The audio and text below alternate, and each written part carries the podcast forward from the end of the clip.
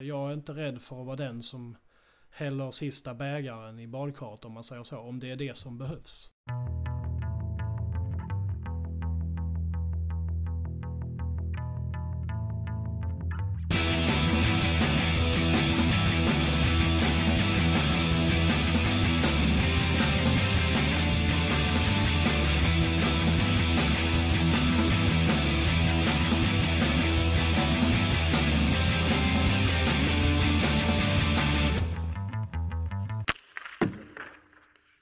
Hej och välkomna till ett eh, nytt avsnitt av Mjölnbergs Trash Talk. Och eh, den här gången har jag mött tränaren Tim Brithén Hockeyns svar på Lars Lagerbäck, HVs eh, orutinerade asttränare, den där snubben som attackerades av en egen spelare i båset eller han som räddade Helsingborg från fördärvet i fjol men eh, han kan lika gärna vara killen som har jobbat inom kriminalvården, han som fick sparken i 30-årspresent och som ofrivilligt har fått samma rykte som sin farsa Eller han som ständigt brinner för att skaffa sig nya upplevelser inom hockeyn Ja, eh, ni fattar att det här blir ett långt och väldigt mångfacetterat samtal med en eh, herre som inte nöjer sig med att vara en stereotyp Vill ni komma i kontakt med mig? Då gör ni det som ni vet gärna via hemsidan mjolnberg.se där ni också hittar nyheter, intervjuer, annat smått och gott kring Hockeyettan.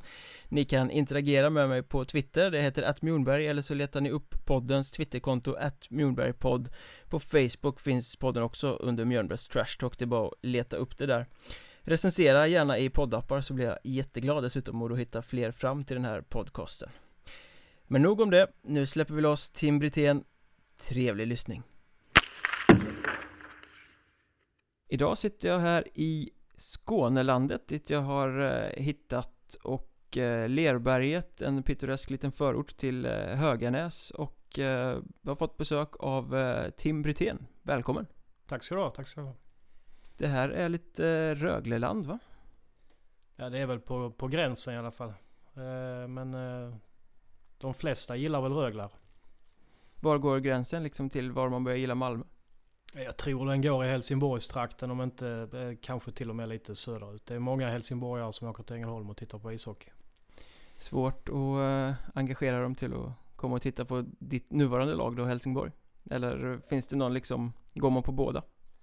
Nej, alltså de som är riktiga hockeyfanatiker går nog på båda. Ehm, Men sen har vi ju ett stort utbud i hela trakterna med både fotboll och, och hockey. Och framförallt drar ju SHL-hockeyn givetvis. Ehm, Och sen drar ju Helsingborgsfotbollen. Även om de spelar på en lägre nivå nu så, eh, så är det ju ändå det som är huvudsporten i Helsingborg om man säger.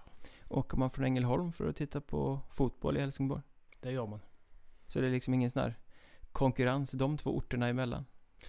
Jo, men det är nog likadant som eh, hockeyn konk- eller konkurrerar. Vi försöker ju samarbeta men det blir ju en publikkonkurrens. Likadant som hockeyn eh, konkurrerar SHL division 1 så har ju Ängelholm ett lag som har spelat i Superettan.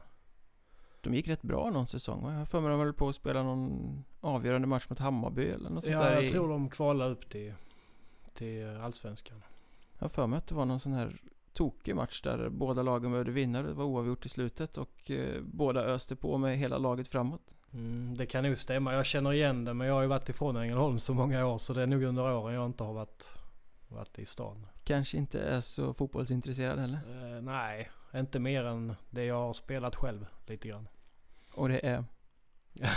Jag, jag tror jag gjorde någon, eh, någon B-lagssäsong i Vejby Slätt i, i division 7 och sen eh, har jag spelat lite veteranfotboll i, i Skälderviken här nu som jag, jag är med ibland men det, jag är för dålig tycker jag. Kroppen håller i alla fall fortfarande. Nej, delvis. Eh, det är beroende på vilken form jag är i. Eh, men eh, den håller i alla fall för det. Men vi ska lägga fotbollen åt sidan. Vi ska ju egentligen sitta här för att prata hockey. Du är tränare. Du har eh, varit på lite alla möjliga nivåer. Mm. Ehm, trots att du inte är lastgammal än. Eh, du är väl egentligen ganska unik är väl fel att säga men det finns inte sådär jättemånga i ditt slag som så här tidigt i en tränarkarriär ändå har hunnit med så många olika Du har haft, eh, varit i SHL-klubb, du har haft landslag, du har varit i ettan, du har haft TV-puck och tränat ungdomar Eh, känner du själv om du blickar tillbaka redan nu att oj, CVt är redan ganska digert?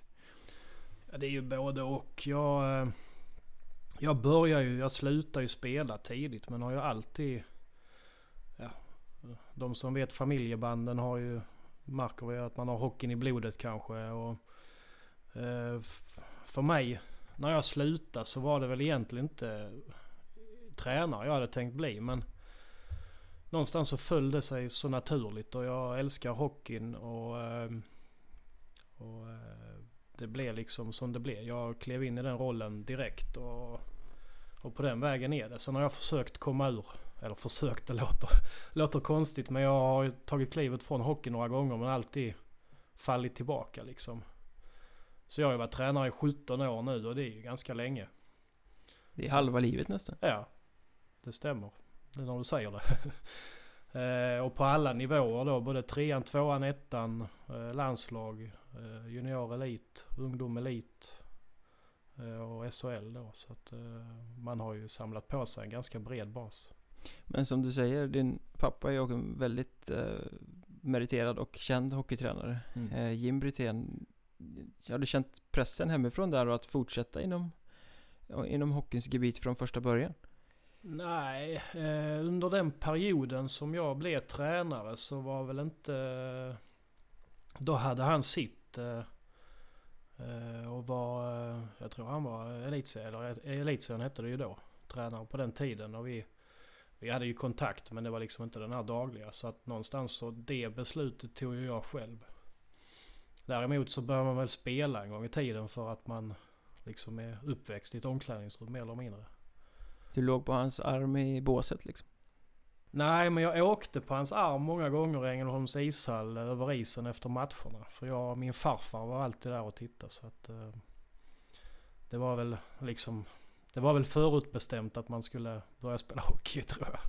Ja, så här, eh, I och med att det finns så mycket i familjen så är det svårt att komma undan det också kanske oavsett om man inte uppmuntras att välja det så ser du, menar du måste ju ha sett så väldigt mycket hockey under uppväxten. Ja, och det blir ju liksom det livet man... Eh, man, man eh, det är väl det livet som har blivit skapat liksom. För eh, mina föräldrar separerade och jag bodde med min pappa när han spelade sista åren i Rögle. Och vi hade ju alla transatlanterna över och kollade video på kvällarna och, och liksom... Och jag satt ju med där på ett hörn i soffan och jag förstod väl inte vad som sades som tur var vissa gånger men jag fick ju uppleva hela det klimatet och det är ju det som, liksom som har eh, format den. Du satt som ett storögt litet barn där och bara... Oh. Ja, ungefär. Och sen när jag blev tvingad att gå upp och lägga mig så låg jag, kommer jag ihåg att jag låg mellan, och lyssnade mellan spjälorna i trappan för att... Ja, det... det är du blev taktiskt drillad redan där alltså? Ja, inte... Ja, både och i alla fall i hur man ter sig i ett omklädningsrum kanske. Men om man vänder på hela den där saken, alltså, finns det någon baksida med att, när, nu när du blev tränare, att ha en framgångsrik pappa som också var tränare? Eh, att du liksom hela tiden jämförs med vad han gjorde?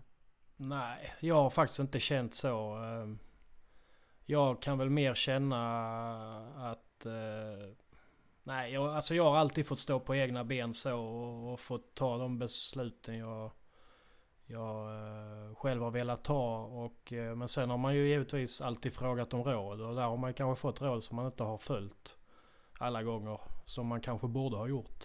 Som du förmodligen hade följt om det hade varit någon annan än en släkting? Ja, kanske det.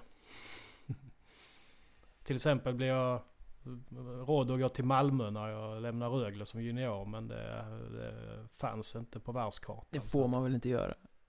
Nej, men sen samtidigt så du måste hitta dina egna vägar om du vill komma någonstans. Och då, det hade kunnat varit, sen vet jag inte om jag hade tagit plats där som junior heller. Så att det var väl lite det som... Men du la av tidigt som spelare ju. Um, mm. Vad var anledningen till att du sadlade om så pass tidigt? Um, ja, det fanns väl ganska många. Jag, jag gjorde ju en elitsatsning som junior. Och, eller elitsatsning och elitsatsning. Tittar jag tillbaka som tränare så var jag nog inte den spelaren jag hade velat ha i mitt lag kanske. Jag, jag var väl lite halvlat.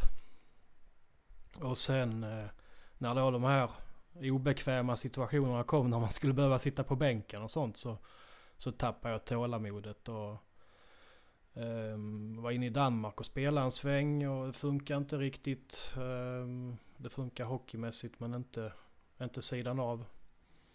Och så det står inte med på, på Elite Prospects men, eh, men eh, jag var inne där och skulle ta en plats. Så jag jobbade faktiskt som brevbärare i Köpenhamn och skulle spela i Rödovre i elitserien där och gjorde, var där fram till november och blev skadad. Och, skadade knäna och, och tappade tålamodet där också. Jag, jag vet inte, jag, jag var väl i en, eh, i en vad ska man säga? Jag, jag, tyckte väl att eh, jag ville spela hockey. Jag ville inte sitta på bänken och jag ville inte... Dela ut brev? Nej, jag ville inte dela ut brev heller. Det var, det var lite halvtufft jobb men det var roligt samtidigt. Det var en bra erfarenhet i Köpenhamn. Um, så jag flyttade hem och så hade jag massa kompisar som spelade i Åstorp i division 3. Och uh, de övertalade mig att spela där. Och det var väl inte jag kan säga att jag hade fantastiskt roligt men det var nog inte den seriösaste hockeytiden i, i mitt liv. Och eh, man gjorde... Alltså man blir ju besviken på sig själv. Man kanske var ute och festade lite och fastän det var match dagen efter och sådär. Vilket det kanske ska vara på den nivån. Men jag hade lite andra ambitioner i mitt huvud. Och lite annan bild av hur, hur hockeyn ska bedrivas. Eh, och sen... Eh, Ja så blev det så. Jag var lite halvtrött på mig själv och sen eh, Nisse Landén var tränare. Han är numera målvaktstränare på Juniorkronorna. Och i Oskarshamn tror jag. Eh, han hörde av sig och eh, han tränar Motala då. Så det blev att jag landade där. Eh, och tog väl tag i min karriär. Men det blev liksom inte det jag hade hoppats på. Jag var fortfarande eh, besviken på mig själv egentligen för att jag kände att eh, jag hade väl slängt iväg en halvhyfsad hockeykarriär och det kan jag ångra än idag. Det brukar jag säga till mina spelare att eh, alltså, tänk på vad du tar för beslut för du kan stå där som, nu är jag inte så gammal, men 39-åring och, och tycka att eh, du kanske borde gjort annat. Ja men i och med att du har det här i, ryggsäcken själv då att du kanske, du säger att du var lat eller att du kanske valde att prioritera annat än full fokus seriöst på hockeyn ehm, Hur är du som ledare idag då? För jag menar Nu är du i Helsingborg i Hockeyettan. Den här typen av spelare måste du ju se här också. Ehm, förhåller du dig förstående till dem att ja, ja, så där kan det vara eller är du där och liksom eh, I början av min tränarkarriär så var jag helt oförstående kan jag säga. Eh, och det finns ju en del av mig idag som är det fortfarande. Men sen har man ju lärt sig att ska du... Ska man eh, bli gammal i det här gamet så måste man eh, anpassa sig efter nivå.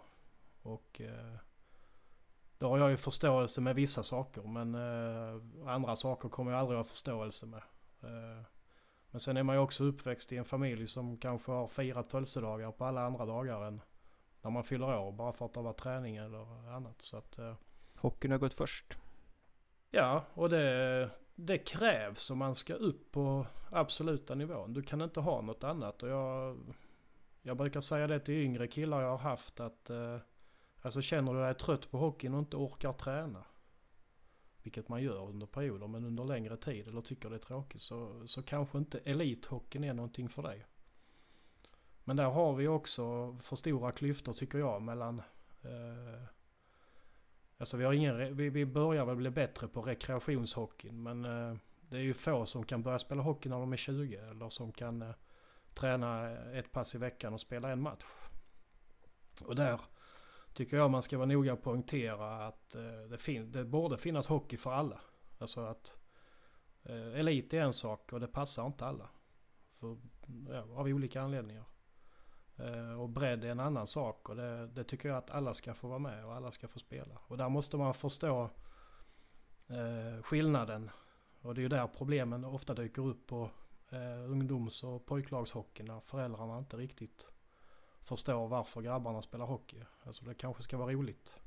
Och där har du ju också eh, Hockeyettans stora dilemma egentligen att du har en liga som ska vara bredd men samtidigt är elit och den ska vara förberedande för allsvenskan men man ska släppa fram ungdomar Vissa har pengar, vissa har inte. Det blir en enda mischmasch av mm. allting.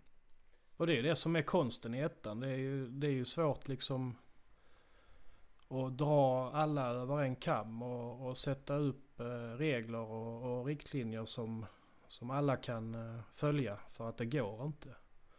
Eh, och där måste man också ständigt upplysa spelarna om detta. Att du kanske inte... Alltså om du har en äldre kille i laget så kanske man kan motivera en yngre med att han ska inte spela i Allsvenskan om tio år, men det ska du. Hur har du tänkt ta dig dit? Eh, så dör det resonemanget ganska snabbt och då förstår de liksom att han är ju här nu för att hjälpa laget eller för att hjälpa mig eller eh, vara någon form av eh, pappa eller whatever. Medan eh, de yngre som verkligen vill någonstans måste driva sin egen linje. Och det är det som är, det är, det som är, ja, det är, det som är konsten. Balansgången verkligen. Ja. Eh, en fråga som eh, många brukar ha olika svar på, eller det finns väldigt många olika skolor, är att kan man verkligen ställa samma krav på en eh, Hockeyettan-spelare som på en SHL-spelare, eller måste man anpassa kravbild efter nivå? Nej, alltså det är ju det är olika krav på olika nivåer men sen är det ju...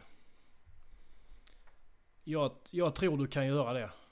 Um, för det finns vissa krav som inte ställs i SHL heller som du kan ställa i, i Hockeyettan. Så att eh, det går hela tiden att och, eh, och vända på resonemanget. Eller man kanske inte ställer de kraven på vissa spelare för att de, för de har ett annat eh, en annan bakgrund än vad en Hockeyettan-spelare har. Vad, kan du ge ett exempel på ett krav man kan ställa på en Hockeyettan-spelare men inte på en SHL-spelare? Nej men det, det, är väl mer liksom hur man...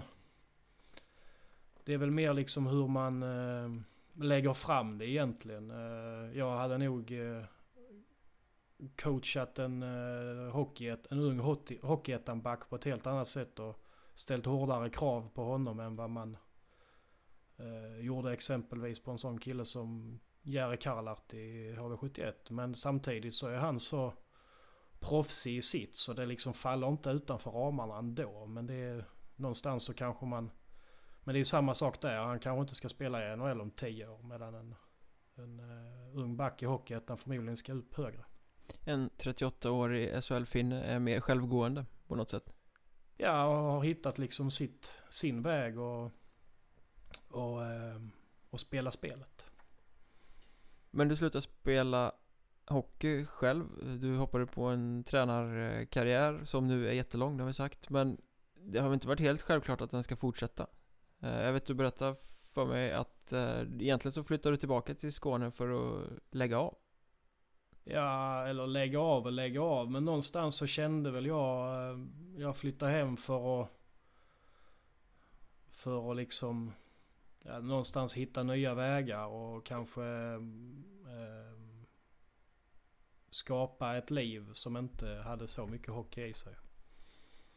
Men eh, det dröjde inte så länge innan telefonen ringde igen och jag fick förfrågan om att bli förbundskapten på Island. Och, och det var både spännande och, och lite exotiskt. Ja, det är väl samma ord egentligen. Men, men det var Alltså det kändes som en utmaning som jag skulle kunna hantera hemifrån. För att tanken var att jag skulle jobba 100% i Sverige och sen eh, åka över och ha lite camper och åka iväg på VM och, och så vidare. Ja, du blev hockeyns Lars Lagerbäck där i, i två år. Ja, jag vet inte riktigt men det är lite det som passar. Eh, islänningarna är ett eh, väldigt uh, intressant folk tycker jag. Men de har lite svårt att, inte, det kanske är att generalisera, men de har svårt att organisera sig. Och där tror jag Lagerbäck har passat utmärkt med fotbollslandslaget. För han kan vara lite träig och, eller det är uppfattningen jag har. Det är ju, jag känner inte honom så. Um, och det var väl det vi, vi försökte styra upp lite. Och där hade jag faktiskt god hjälp av eh, Emil Alengård som en tidigare Hockeyettan-profil som jag hade även i Linköpings juniorlag för många år sedan. Ja, han var väl lite inblandad i att du överhuvudtaget hamnade på det gigget? Det kan man nog säga. Han, eh, det var han som skötte den kontakten. Islands största stjärna, kan man säga så? Eh, Islands Zlatan Ibrahimovic. Kanske inte, kanske inte fullt ut, men, eh, men eh, den, den statusen i hockeyn hade han åtminstone där. Det är så? Mm. Han är alltid så eh, liksom eh, ödmjuk när han pratar om det själv. Så jo, jag är nog ganska viktig för dem, men... Ja, det är nog bara en fasad. Nej då, men eh, han... Eh, han är ju en lagspelare och det har han varit i alla klubbar han har varit i egentligen. Där blir han ju en, en superstjärna men fortfarande som lagspelare och tog väldigt väl hand om gruppen. Och alltså, offrar sig på isen och det är liksom verkligen inga sådana här stjärnfasoner. Det är ju lite hans spel i och för sig också att vara eh, Alltså all in i alla situationer. Mm. Och det kom ju väl till pass. Sen samtidigt så var han lite för bra för nivån. Så att eh, det är ju lätt att hamna fel då också. Men han, där kom ju liksom spelet till sin rätt. Och han spelar mer hockey än vad han har gjort i, i ettan tror jag. Men eh, samtidigt har han ju spelat, han har ju rätt så bra poängskörd i division 1 också. Så att det är ju, han har spelat hockey där också. Men ni spelade CVM eller? Det heter division 2A. Jag tror det är motsvarigheten till gamla CVM. Uh, så första året var vi i Belgrad och spelade. Och andra året hade vi VM hemma på Island. Men ganska exotiskt ändå att få kliva in i den typen av uppdrag, komma till en blåbärsnation får man väl ändå säga. Hur mycket skiljer sig egentligen hockeykunnandet kontra alltså, svensk hockey? Ja, det, det, blir, det sållar ut sig själv på något sätt för att de har fyra lag borta på Island. Och ehm, och eh, det är tre ishallar. Nej, två ishallar. En i, en i Akureyri och en i... Nej, det är två i Reykjavik förresten. Så tre ishallar stämmer.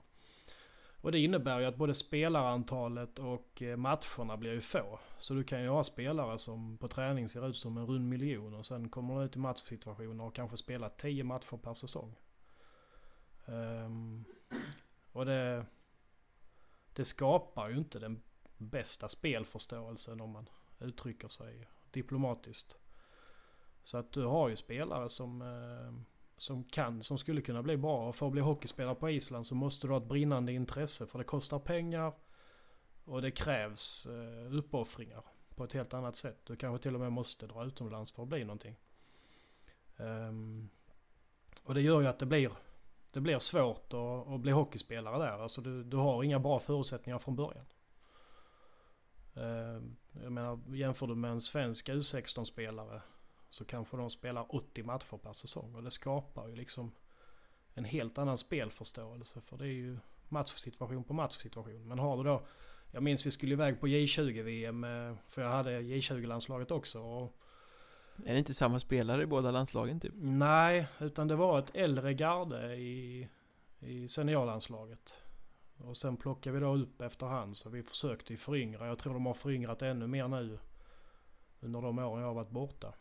Men när du kommer dit och är förbundskapten, är det liksom de här killarna spelar hockey på Island, de ska vara landslaget? Eller fick du chansen som en, som en förbundskapten i en annan idrott liksom att titta lite och plocka ut russin ur kakan ur olika klubbar? Mm, jag, jag kallade till camp. Första campet hade jag bjudit in 40 spelare. Och det finns 75 licensierade. Eh, och det var listor jag hade fått från tränarna i lagen, mer eller mindre. Eh, och 13 man dök upp på första campet. Mm, så att det var ju liksom, sen, sen har de, de filmar matcherna så jag satt ju och tittade över nätet. Men det är ju svårt.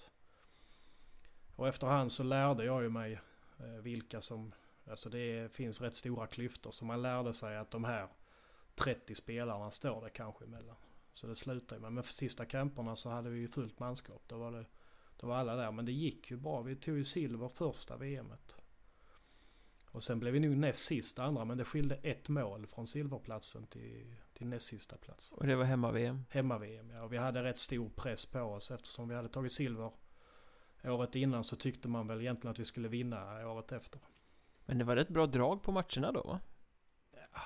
Allting är ju relativt. Ja, du kanske men... inte ska jämföra med ett fullsatt Kinnarps Arena, men... Eh. Nej, men det, det var tryck på våra matcher. Och det är ju likadant när vi var nere i Serbien. Framförallt serbernas matcher var det ju ett enormt tryck på. Alltså det... Men det är ju de... Jag brukar säga de är som proffs två veckor, spelarna. Och de, eh, jag tror det är det de lever för lite, att åka ut och spela VM. För det är en fantastisk upplevelse. Och det, Alltså den som får ett förbundskaptensuppdrag uppdrag var den är ska hoppa på det om man känner att det känns rätt. För att det, det är, du får så mycket mer. Det är inte bara hockeyn utan det är allt annat runt omkring. Men det är väl ett helt annat sätt att förhålla sig till hockeyn också än om du står i ett klubblag där du kanske liksom nöter detaljer på daglig basis. Mm. Eh, kliver du in här så är det väl mer grova drag och försöka få ihop ett pussel mm. så snabbt som möjligt. Nu hade vi ju lite camper borta på Island men sen inför VM så ehm, så drog vi med laget över till Sverige. Så första året var vi i Tyringe och mötte bland annat Helsingborg och Tyringe och någon, eh, någon kombination Kristianstad-Tyringe tror jag det var. I två träningsmatcher och fick spela, träna två pass om dagen eh, i fem dagar innan vi skulle iväg på VM. Och, ehm, och, på de fem dagarna ska man då klämma in ett helt spelsystem. Och, och, eh, men sen är det ju också en daglig kontakt vilket gör, alltså dagens teknik gör att man, eh, man kan ju hålla en helt annan kontakt med spelarna. Och de hade ju liksom spelboken, sen vet jag inte hur många som förstod den men eh, de som var intresserade lärde sig väldigt snabbt. Så att, och sen hade vi bland annat, bland annat hade vi en boxplay genomgång i Tyringe. Eh, det börjar med att de frågar vilka ska komma då. Jag sa de som är intresserade av att spela boxplay ska komma. Så det var ju två färdiga femmor plus en spelare till. Eh, och sen satt vi där en timme och diskuterade boxplay. Vi satt två timmar och så, då slutade det med att eh, Bjössi, en äldre, äldre gammal juniorlands, eller juniorspelare, vad säger jag, gammal juniorspelare, en, en äldre herre i, i landslaget. Han sa men du Tim. Då hade vi gått igenom alla detaljer.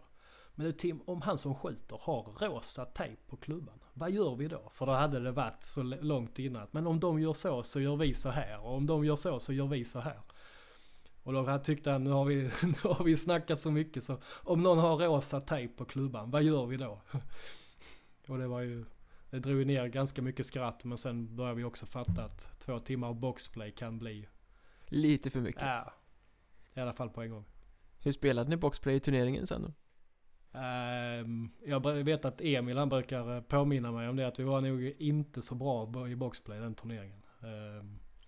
Annat, men, men det ska också, vi mötte esterna i Estland och de var, hade ramlat ur uh, gruppen ovanför och kom ner. Jag tror vi släppte fyra mål i boxplay första matchen och det sabbade liksom statsen för hela turneringen. Jag tror vi var inne på, eller jag tror vi var inne på ett mål bakåt i boxplay i resten av turneringen sen.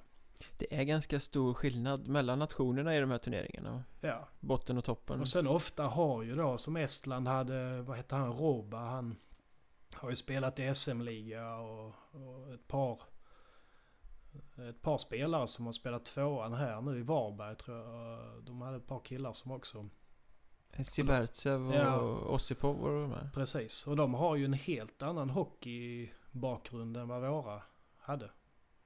Så att eh, det blir ju skillnad. Men när du var där, såg du spelare som liksom så här, oj, om de här bara lämnar Island och kanske kommer till svenska ettan eller om de kommer till Danmark eller vad som kan utvecklas till att bli riktigt bra spelare? Så det så att du liksom rådde dem att ni kanske ska packa väskan?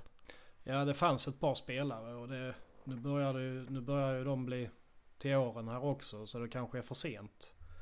Eh, men där fanns ett par spelare som eh, hade kunnat vara riktigt bra under alla för, andra för, eh, förhållanden. Tycker jag. Vi hade en back som hette Andri Helgason, en rightback som jag tyckte var fantastisk. Och hela, hela uppträdandet och hela... Alltså han var street smart vad det gällde hockey. Men sen åkte han över till Kanada och lyckades inte jättebra där borta. Men eh, det krävs nog också att man som tränare, om man plockar en sån kille så måste man ha förståelse. För det, är, det märks så fort i spelsinne. Vi hade två eh, islänningar som spelade i Motala i, i tvåan förra året. Eller om säsongen innan var det. Eh, som inte, alltså som var bra landslagsmässigt men som inte gjorde bra ifrån sig i tvåan. Och det är just det här, de är inte vana vid att spela onsdag, söndag. De är inte vana vid att träna så mycket. De kanske tränar ett par gånger i veckan och spelar en match på helgen.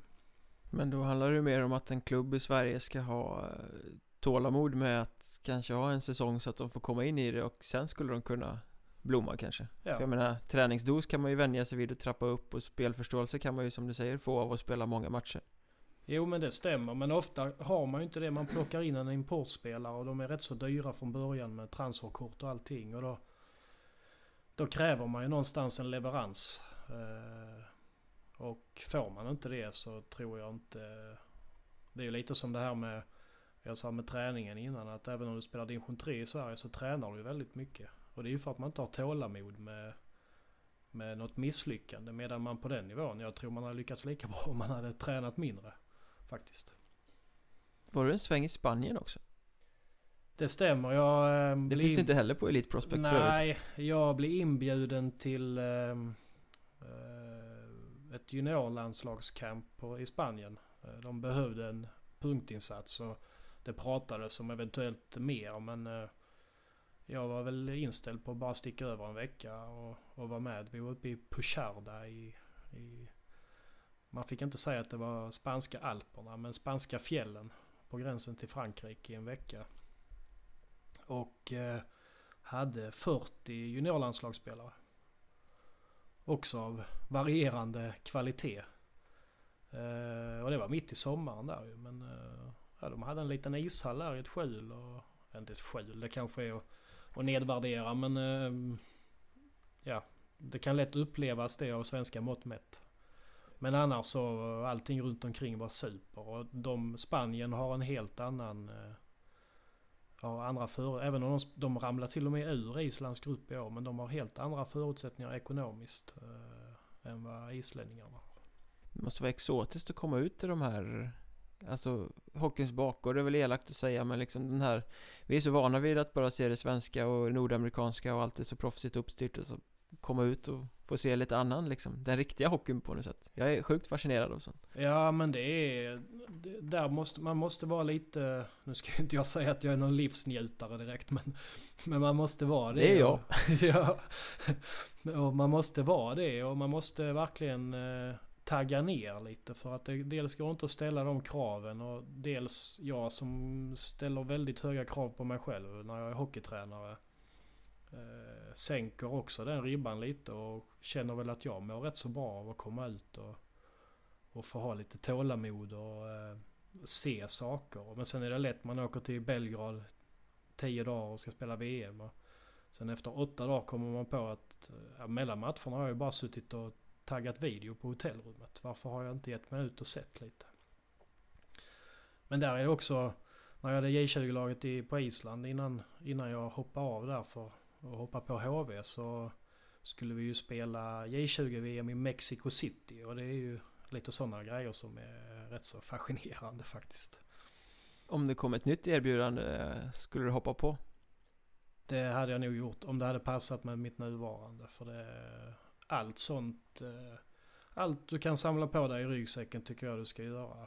Eh, Om det passar in rent tidsmässigt. Sen tycker väl många då, ja men på den nivån, vad ger det dig? Ja, det kanske inte ger mig så mycket men dels så får man dela med sig av sina egna kunskaper och sen rent eh, Rent som människa ger det så otroligt mycket mer. Och det är likadant med killar som känner att deras... Eh, man kanske inte blir hockeyspelare på den nivå man vill i Sverige. Men ta chansen och stick iväg och se världen. För du kan spela hockey...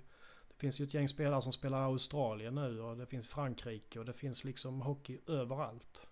Känns det inte som att det är fler och fler som liksom Från ettan till exempel känner att ja, men nu har jag gjort det här och drar till Frankrike eller Italien eller Jo, liksom jag- test, testa det här lite sydeuropeiska Jo, jag tror, jag tror de blir varse det liksom. Att du kan få så mycket mer av hockeyn. Jag är bra kompis med Niko Soraniemi som spelar i, det är Kari Soraniemis grabb som spelar i Rögle fram till eh, Eh, också juniorålder. Och Jag tror han är ute och spelar i sin 25 klubb i Europa eller någonting. Har varit iväg och är väl i Ungern nu tror jag. Eh, och, så, och har fått liksom en livsresa på om än på lägre nivå så har man ändå liksom... Eh, alltså det är ju ett bagage du får med dig som du inte... Du får inte det i någon hockeyutbildning i Sverige eller någon tränarutbildning eller, eller vad som helst. Utan du, det får du genom att kuska runt. Sen är det ju ett, ett nomadliv kanske som inte passar alla men, eh, men har du läge så gör det. Jag menar hockeyn i Sverige är ju ganska fyrkantig om du väl kommer in i en elitsatsning på något sätt eh, Från unga år till du slutar vid 36 Och sen står du där och har inte sett något annat än omklädningsrum och hallar nästan Nej.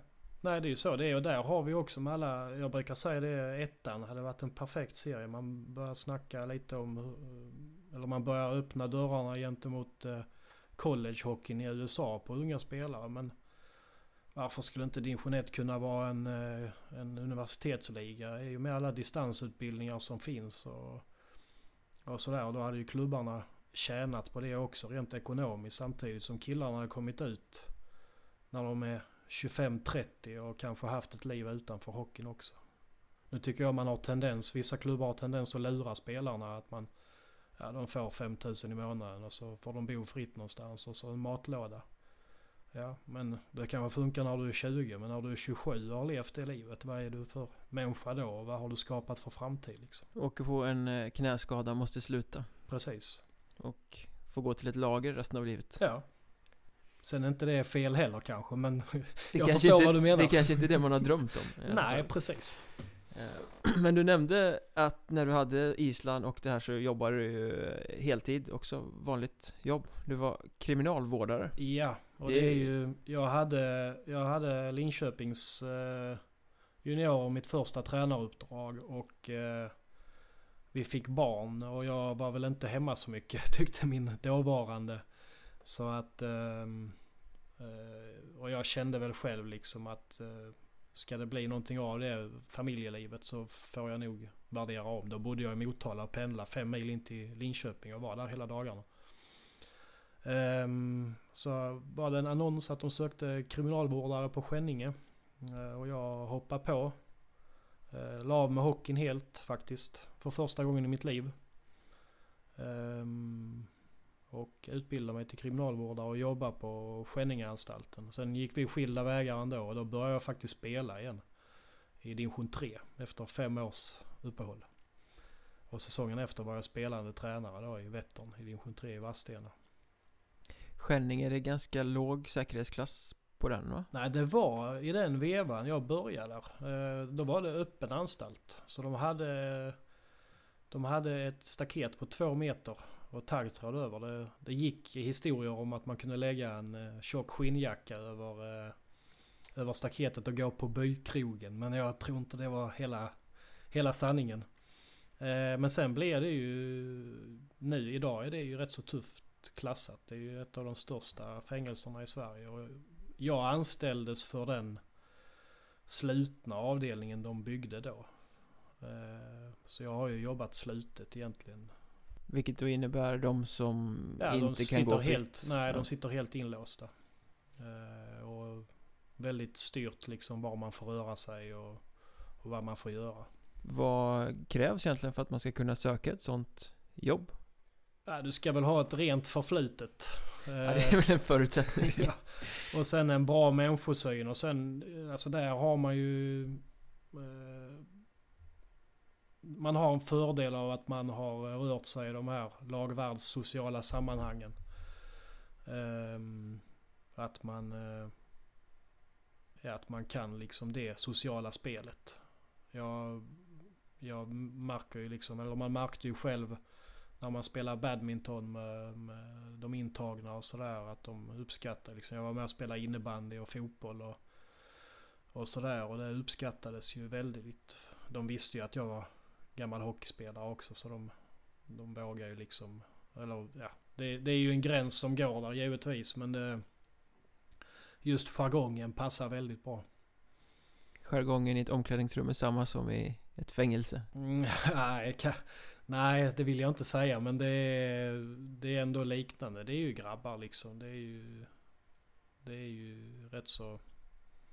Ja, det är ju en tuff miljö. Det är ju det är inte, det är en tuff miljö i fängelserna och i hockeyn är det ju på ett annat sätt. Så att det, men det är ju just snacket kanske. Men de som du vaktade, vad satt de för? Var det misshandelsdomar och sånt? Och Ehm, om de satt slutet menar jag, det är inte något litet snatteri liksom Nej, det var olika. Eh, vi hade allt från, från eh, kanske de som satt ett par månader till, jag tror det var någon som var upp mot tio år. Så att, eh, och det är ju ja, allt från misshandel till tunga narkotikabrott.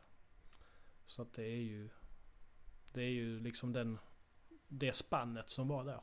Hur långt ifrån verkligheten är sådana här fängelsefilmer och sånt? Ja, det är väldigt långt. Sen är det ju ett spel som inte vi, vi eh, kriminalvårdare ser också som försiggår bakom kulisserna. Eh, och det, det är svårt att gå in på för man förstår inte det om man inte har varit där liksom. Så att, eh, Vissa fångar äger andra fångar i någon sorts hierarkisk... Ja, men det är ju... Det är ju inte, stor, det är ju inte så stor skillnad på livet utanför fängelset heller egentligen. Händer det att man som vårdare måste titta bort från något som egentligen bryter mot reglerna för att det ska funka liksom? Precis som en hockeydomare måste blunda för en slashing för att matchen ska flyta.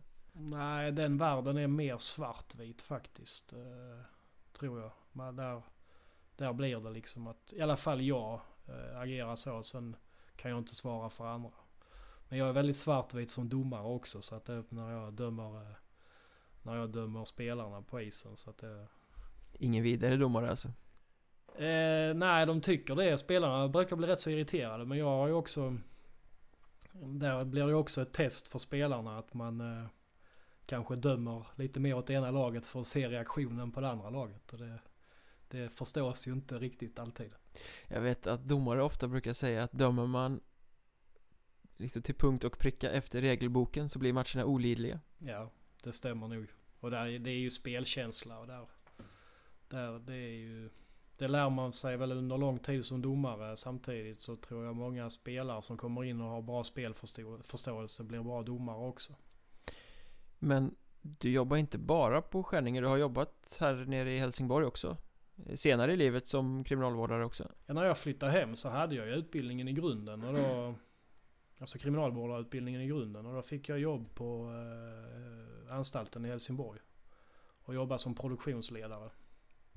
Och det var ju mer ett... Eh, det var ju mer likt ett tränarjobb om man säger. För vi hade produktion där och, och killar som kom ut och jobbade hos oss. Och, Ja, det vill säga att du arbetar när du sitter i fängelse Ja, Som precis. en dagaktivitet Precis. Eh, och där var man ju lite mer coach och lite mer kompis och lite mer eh, alltså den, det snacket liksom. För det blev ju ändå en, en, eh, en vardag för de killarna som kom. Och, och man försökte liksom vara en, inte en fristad på det sättet men från den strikta och från den här lilla fyrkantiga cellen så kom man ut och, och fick jobba som vanligt egentligen. Fast inne på området. Och, ehm, och då, då är det ju lite annan jargong också. eh, Har dina spelare som du har haft i hockeyn då medvetna om jobbet vid sidan av vad du har pysslat med? Det tror jag för det är inget som jag inte brukar berätta utan det, är, det kommer med liksom på ett på ett bananskal om man säger. Men, eh, men många tror ju också att det är Många har ju sett de här filmerna och skapar sig en bild av att man står på någon mur med något gevär. Och, eh, och det är inte riktigt det det handlar om. Springer omkring med batong och Ja. sänker folk som slåss Precis, och det är ju inte alls det det handlar om utan snarare som... Alltså som kriminalvårdare går man in och är rätt så... Inte slätstruken men man ska ju vara en rätt så grå figur och, eh, och liksom eh, hålla på normer och på de eh, regler som finns medan du har rätt så bra färgklickar bland de intagna ibland som är, så där har man fått många, många goda skratt också för det, det finns många roliga människor som Som har valt fel bana i Ja. livet Många kreativa människor som har valt fel bana i livet. Men jag kan tänka mig att om man har unga spelare och sånt Eller äldre spelare också Att det måste vara lite exotiskt, lite spännande att vilja höra historier från fängelsevärlden Ja, jo men så är det ju och där har man ju tyvärr tystnadsplikt så att eh, det är ju inte mycket man kan berätta heller. Att, eh, Men utan att nämna namn har du fångvaktat någon som folk känner till? eh, nej, inte i, inte i, eh, inte i mitt dagliga arbete, inte alls så. Utan det är mer, man har ju varit runt och på studiebesök på de här tyngre anstalterna kanske. Och där har man väl sett lite men inte Tommy Zethraeus och alla de här sitter som eh, djur på zoo Nu får ni titta in, här sitter den Ja, nej. Det, och det är inte så det funkar heller riktigt. Men, eh, men det, är, det är ju en, en speciell värld och det är ju inte annat än att man har eh, ja, någon form av respekt när man går in där. För att det är, ja, man kan säga att fängelsestraff är låga och det är de väl i vissa avseenden. Men samtidigt blir du ju berövad på allt du har egentligen och du får sitta inlåst. Och det är, ja, jag tror inte jag hade fixat det som, som människa. Nej, det är väldigt psykologisk prövning måste Mm. det ju vara. Ja, och sen blir det ju också, många är ju tyvärr, eh, som jag är inväxt i hockeyn så är, så är många inväxta i den banan och det blir ett liv de skapar och det blir, eh, eh, ja man, man, man lever ett liv efter den världen egentligen. Att man vet att man åker dit titt som tätt och, och det blir väldigt inrutat men så är det. Måste man tro på systemet för att kunna jobba där inne? Eller är det svartvitt, jag går hit och gör ett jobb? Eh, både och. Du måste ju vara väldigt... Eh, du måste ju vara väldigt plikttrogen och du måste ju följa de eh, reglerna som är uppsatta. Eh, så därför blir det egentligen ganska manualstyrt. Men lever du efter något du inte tror på så tror inte jag du gör ett bra jobb. Så någonstans måste man ju liksom tro på rättvisan åtminstone. Sen... Eh, sen kan man ju alltid eh, liva upp fyrkantigheten om man säger och, och liksom hålla sig inom dem och det känner väl jag. Så är jag ju som tränare också att jag försöker ju, lagen jag tränar, jag har väldigt roligt så länge alla spelar efter de, de reglerna vi har satt upp. Men eh, fan om någon kliver över. Ja, då kommer batongen fram. ja, då kommer både... Nej då. Det, så är det inte riktigt men det, det blir ju liksom... Och det, och det är så jag är som människa. Så jag tror jag som människa passar nog in. En del av mig som människa passar in i det systemet för att eh, det är liksom rättvisa. Jag förstår som du säger att det är bra att ha en bakgrund i idrotten när man kommer in i det sammanhanget. Men vänder du på det, har du tagit med dig erfarenheter från fängelsevärlden som eh, gör att du blir en bättre tränare eller kan förhålla dig till ett lag och spelare på ett bättre sätt? Jag tror, jag tror det, alltså det jobbet har skapat en förståelse hos mig eh, på ett bättre sätt. Att människor är olika och att eh, alla har olika förutsättningar i livet. Och, och att alla faktiskt mår bra av lite fyrkantighet i vardagen. Eh, så det är väl det jag tar med mig därifrån. Eh, I övrigt så är det ju samhällets baksida också. Vilket gör att eh, det kanske inte är så upplyftande alltid. Medan när jag går till hockeyn så är det oftast med stor inspiration.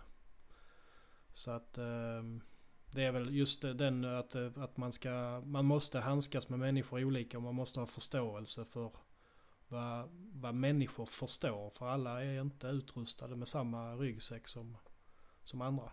Har du varit rädd någon gång när du har gått till jobbet? Mm, nej, det kan jag inte påstå. Jag, jag blir sällan rädd. Tyvärr. Eh, Men jag, som jag sa innan, jag har haft respekt för situationer och eh, det är väl också när man blir förälder kanske så, så sätter man sig, sätter man inte sig själv först längre utan man sätter familjen först. Och, och det kanske är mer den, eh, den rädslan att man inte ska... Nej, det, det låter tufft att säga att man inte ska komma hem en dag men det kan ju hända grejer. Och då känner väl jag att det är inte värt att familjen kommer hem och ser att man har ett blåöga eller en... Har du varit i sådana situationer där det har liksom hettat till? Det har jag. Och det... Ja, det är inte roligt. Det, man får krishantering och sånt efter det va? Ja. Så att det är inte så att ju- okej nu blir det fight, åk hem liksom. Nej, utan det är väldigt uh, uppstyrt så. Och det, jag tror man har lärt sig genom åren där också att det är ju... Jag menar liksom, liksom vi som jobbar... De, de vi jobbar med och, och vi som jobbar, vi är också människor liksom. Så att det, och det måste till, för har du inte den ventilen så får du gå och bära det inom dig. Och det, det kanske var tufft förr, men jag tror någonstans måste du släppa ut det. Eh, annars så kommer det någonstans där du inte vill att det ska komma och då, då blir det inte bra heller. Då är det du som hamnar där på avdelningen sen istället. Ja, förhoppningsvis inte. Förhoppningsvis kan det inte gå så långt, men eh, man vet aldrig. Men som hockeytränare så, så får man ju faktiskt säga att du är en riktig tränare. I det avseendet att du har både fått sparken och ersatt någon som har klivit av eller fått sparken Ja. Ehm, Jag har fått sparken två gånger till och med. Två gånger till och Ja. med En gång i Olofström och En gång i Motala. ja, Men då var det ju, eh, när jag tog Motala i, i ettan så gick vi igenom ett eh, riktigt sånt här ekonomiskt stålbad. Och eh, ja, jag, tog, jag hade tränat eh, HC Vättern säsongen innan i division 3 och tog med mig de spelarna därifrån som jag trodde på. Eh, samtidigt så storsatsar Borås i ettan. Eh, Bland annat minns jag att, eh, bland annat, det var säkert fler namnkunniga spelare, men Fabian Brunström var där. Och jag minns han åkte ju åttor runt vårt försvar. Han gjorde väl fyra mål i, när vi hade powerplay tror jag. Han gick raka vägen från ettan till SHL Och eh, jag tror vi fick stryk 48 av 56 matcher den säsongen. Och jag minns också att jag gick hem efter varje match. Jag gick till varje match och kände att idag vinner vi. och sen gick jag hem lika bedrövad efter varje match. Eh, och vi blev bättre och bättre eh, ju längre säsongen led. Men eh, det är nästan tuffare att få stryk med 5-3 än 7-1 kan jag säga. Sen åkte vi ur tvåan, eller åkte ur ettan och ramlade ner i tvåan och när vi kom där strax efter jul så låg vi väl i nedre skiktet av tvåan också. Och, och det var väl där vi skulle vara egentligen.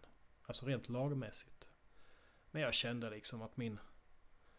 Min... Eh, ja, om jag hade haft en sån här eh, trollbok så var nog den eh, både genombläddrad och bläddrad igen och bläddrad igen. Så det var ju ganska... Jag minns det var på min 30-årsdag. Det stod stort i tidningen att Brithén får sparken. Grattis Ungefär. Men det är ju det som ingår i den här världen och kan man inte ta det så ska man inte hålla på för det finns alltid den risken oavsett. Ja, finns det någon som har lyckats vara tränare en längre period av sitt liv utan att få sparken någon gång? Det står ju nästan i kontraktet liksom. Ja, ja, det finns ju dem och det kan man ju också ifrågasätta vad de... Hur de lyckas. De kanske är väldigt bra eller så kanske man eh, är någon form av... eh, Ryggdunkare Ja, Ja men är det inte så, vill man driva igenom sitt sätt att leda ett lag så kommer du aldrig vara kompis med alla Nej, så är det. Jag, det var det första råd nummer ett jag, jag fick från min far att eh, eh, har du blivit hockeytränare för att få kompisar så har du nog valt fel. Men vi börjar med det roliga här Om vi ska bena ut eh, andra sparkningen och eh, att ta över från någon som får sparken. Du klev in nu mitt under säsongen som gick i Helsingborg.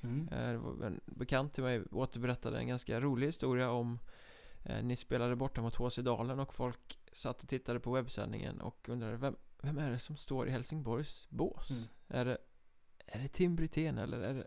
Så blev det en Twitter-diskussion av det där. Eh, Det var liksom från ingenstans, helt plötsligt stod det bara där i mitt i säsongen, mitt i båset Inget hade utåt sett i alla fall snackats innan Så att den givna frågan blir ju hur gick det till egentligen? Eh, vad jag förstod så, eh, så rådde det omständigheter som gjorde att eh, Palle Andersson Everberg hoppade av. Eh, från ganska... Jag vet inte hur, hur pass blixt från klar himmel det var men jag tror inte så många hade förväntat sig det. Och jag gick ju i Ängelholm och har faktiskt aldrig haft något tränaruppdrag här nere utan jag kände väl när jag flyttade hem att man nästan började om från scratch för ingen hade koll på vad man hade gjort och då hade jag ändå varit tränare i 15 år. Så jag fick ett samtal på måndagen och på tisdagen hoppade jag in. Men jag sa att vi får eh, liksom hålla det på... Vi, vi får se vad som händer för jag vet inte om jag kan. Och sen var det ju match och då frågade de kan du vara med på matchen också då? Ja men så jag kan vara med på matchen också. Uh, och därav så blev det liksom inga rubriker eller någonting utan jag var med. Jag hade haft ett ispass. Vi mötte Dalen hemma. Uh, och alla var förvånade i, i motståndare. Alltså i och med att jag, det var- jag hade varit i Jönköping säsongen innan så visste ju alla vem jag var. Um, och jag såg, såg också den här diskussionen på Twitter och det, det gick ju jättefort där. Och jag, samtidigt så gick jag i ett läge där jag... Det var... Man hade lite... Vad ska man säga? Vi, vi hade haft en incident på jobbet som var rätt så tuff och jag... Jag gick hemma just då och var sjukskriven. Och jag snackade med läkarna och läkarna tyckte att det kunde vara en återgång till livet. Alltså...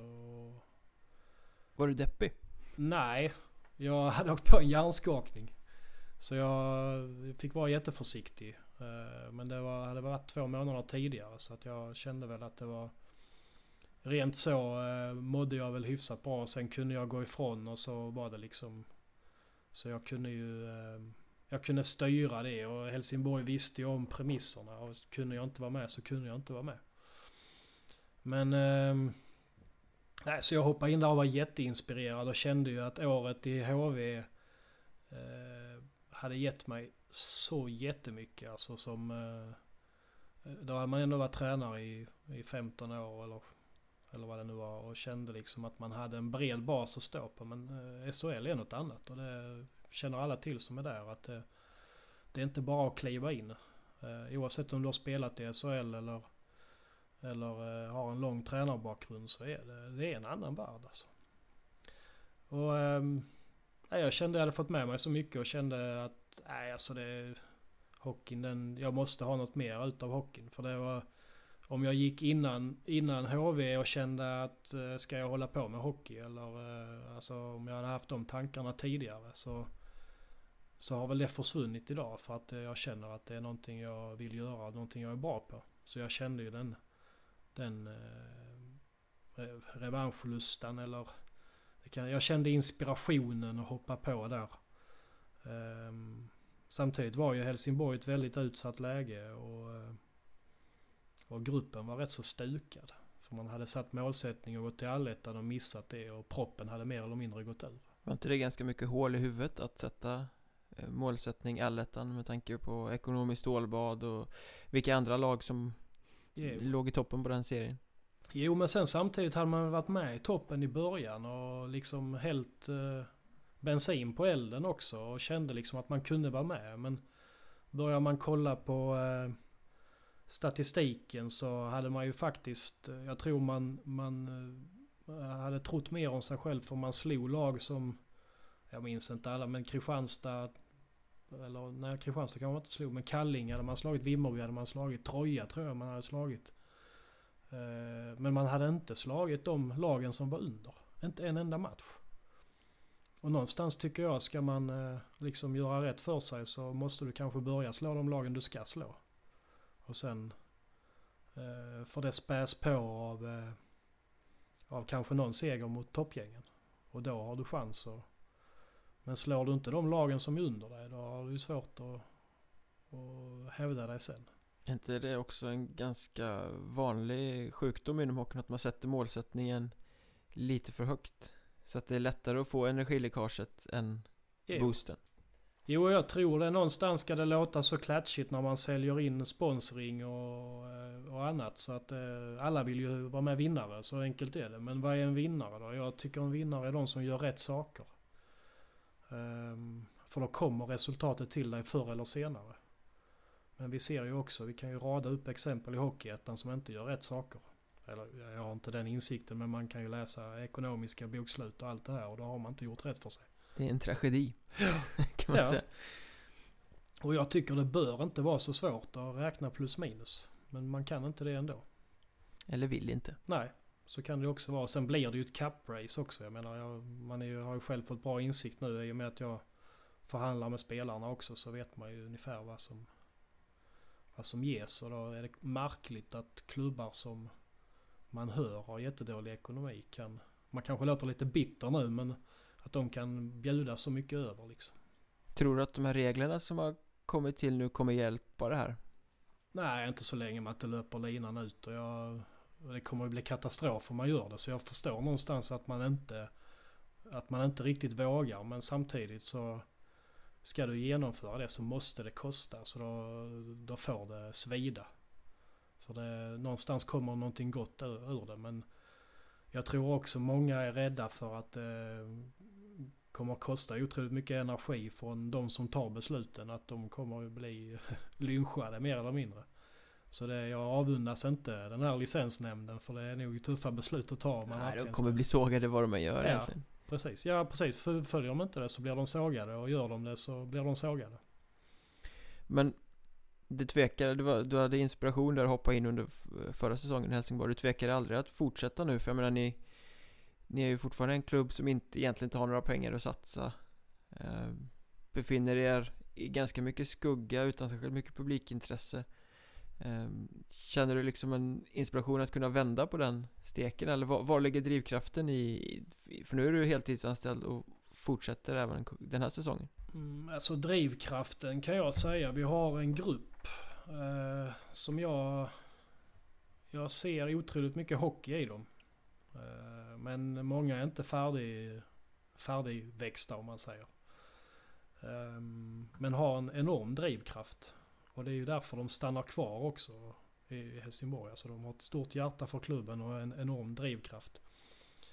Eh, så det är ju en sak att eh, jag fick ju fullt gehör från gruppen redan från början. Och då känner man, då blir det ju någonstans att man känner att ja, nu, nu har jag nog hamnat rätt. Men vad lyckades du med som uppenbarligen inte hade lyckats med tidigare förra säsongen? För när du klev in så vände det ju och ni var en straffläggning ifrån att gå till förkval. Mm. Nej men det är väl... Jag, jag hörde någon sa eh, när jag skulle komma dit. Eh, alltså man ska ju kanske i, eh, som bakgrund då veta att eh, Britten är väl ett aktat namn så men i de här regionerna så är det ju både och. Ted är ju otroligt hyllad medan Jim kanske kan ses som en... Eh, en eh, ja, han, han, han står ju för tuffa beslut och säger vad han tycker och det är inte alla som, som uppskattar det. Ja, obekväm. Och jag halkar ju med på ett bananskal även om vi inte är samma person så, så är det ju många som tycks tro det. Ehm,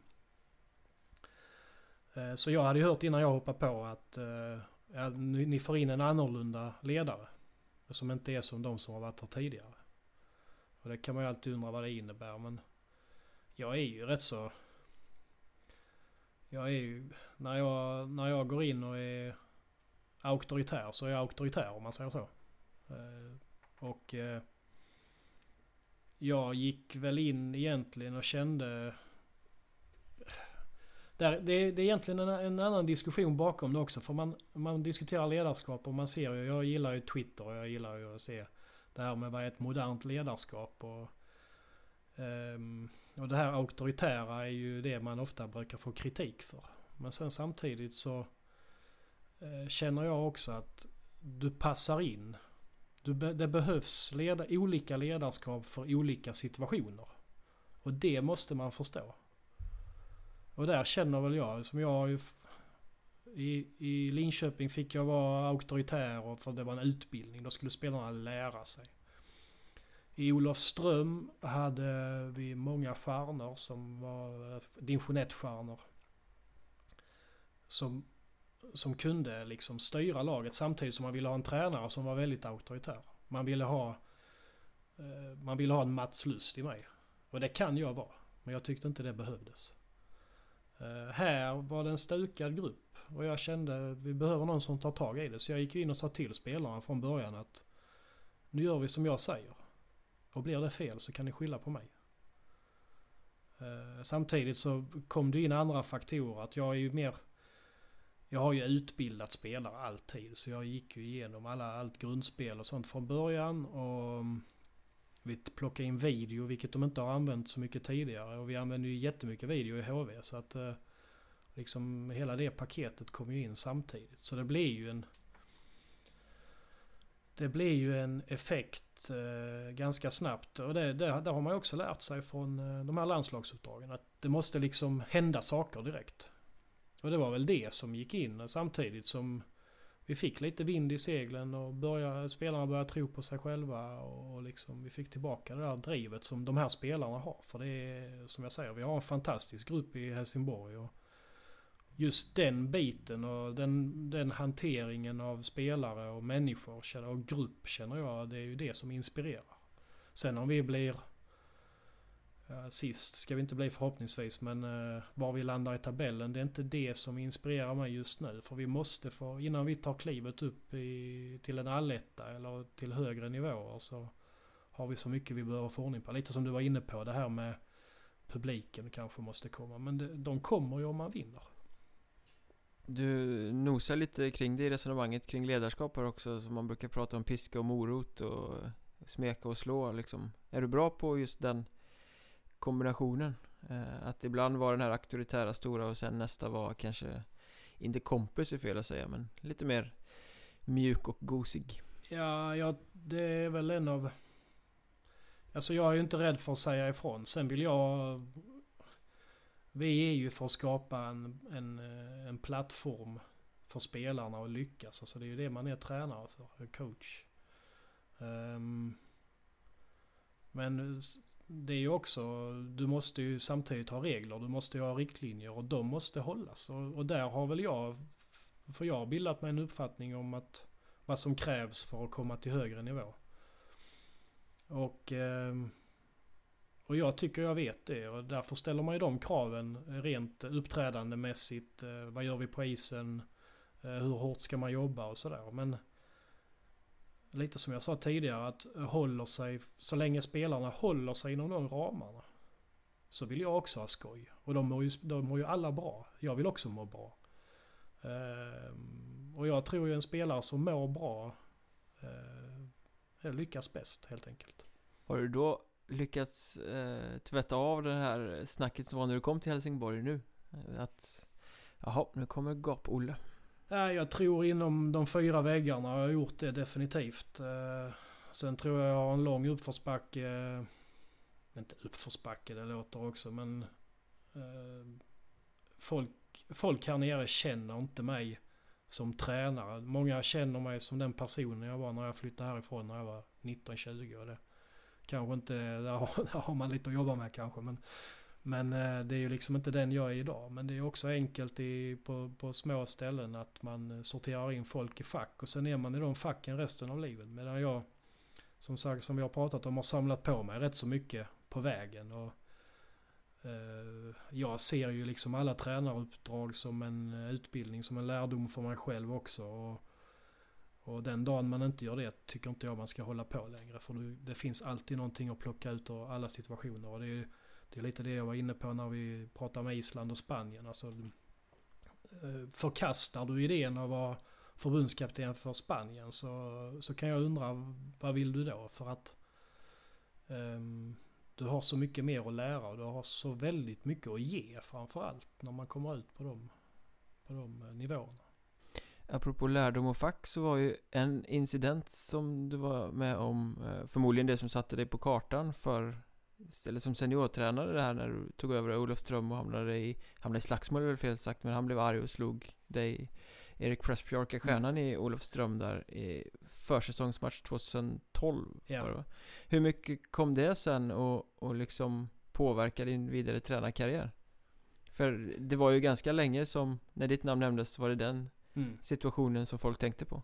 Och det kommer nog upp fortfarande, det är ju en unik situation som Som eh vi kan ju förklara för de lyssnare som kanske De flesta vet väl om det men ni spelade träningsmatch Mot Örebro. Mot Örebro, ja, en sån här turnering. Han blev av oklar anledning arg och nitade dig i stort sett. I ja, båset. fast det är inte Det är inte hela sanningen egentligen. Det låter Ehm, det fanns ju ett, eh, ett, spel före där han tyckte väl att han inte fick den eh, istiden och uppmärksamheten han behövde eh, Jag förstår honom för han hade blivit hanterad så tidigare så att det um, och ehm, ja, han lackade ur helt enkelt. Och vi hade en diskussion i båset och han tog tag om mina ben. Så jag ramlade bakåt. Det var ungefär det som hände. Men sen stod ju hela presskåren mellan båsen också. Och så, så här några år, med några års distans så är ju uppträdandet inte acceptabelt. Jag förstår delvis hans eh, frustration. Um, men jag förstår liksom inte att man gör så riktigt. Eh, men det fick ju konsekvenser för honom också. Ja, han fick sparken dagen efter. Ja, och det... Det är alltid tråkigt när sånt sker och det var inte min... Min... Eh, vad ska man säga? Det var väl inte mitt mål med, med det tränaruppdraget heller direkt. Ja, det var lustigt i och för sig. Jag ska gå in och få en sparken. Nej, men sen är det så också. Jag är ju... När jag... Det är lite som jag har varit inne på här innan. Att när jag vill ha den någonstans så, så kommer laget först. Och när, när man inte sätter laget först så... Jag ska inte säga att jag inte accepterar de spelarna men man får det jobbigt.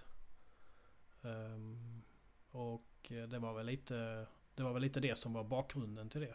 Du har ingen gräddfil?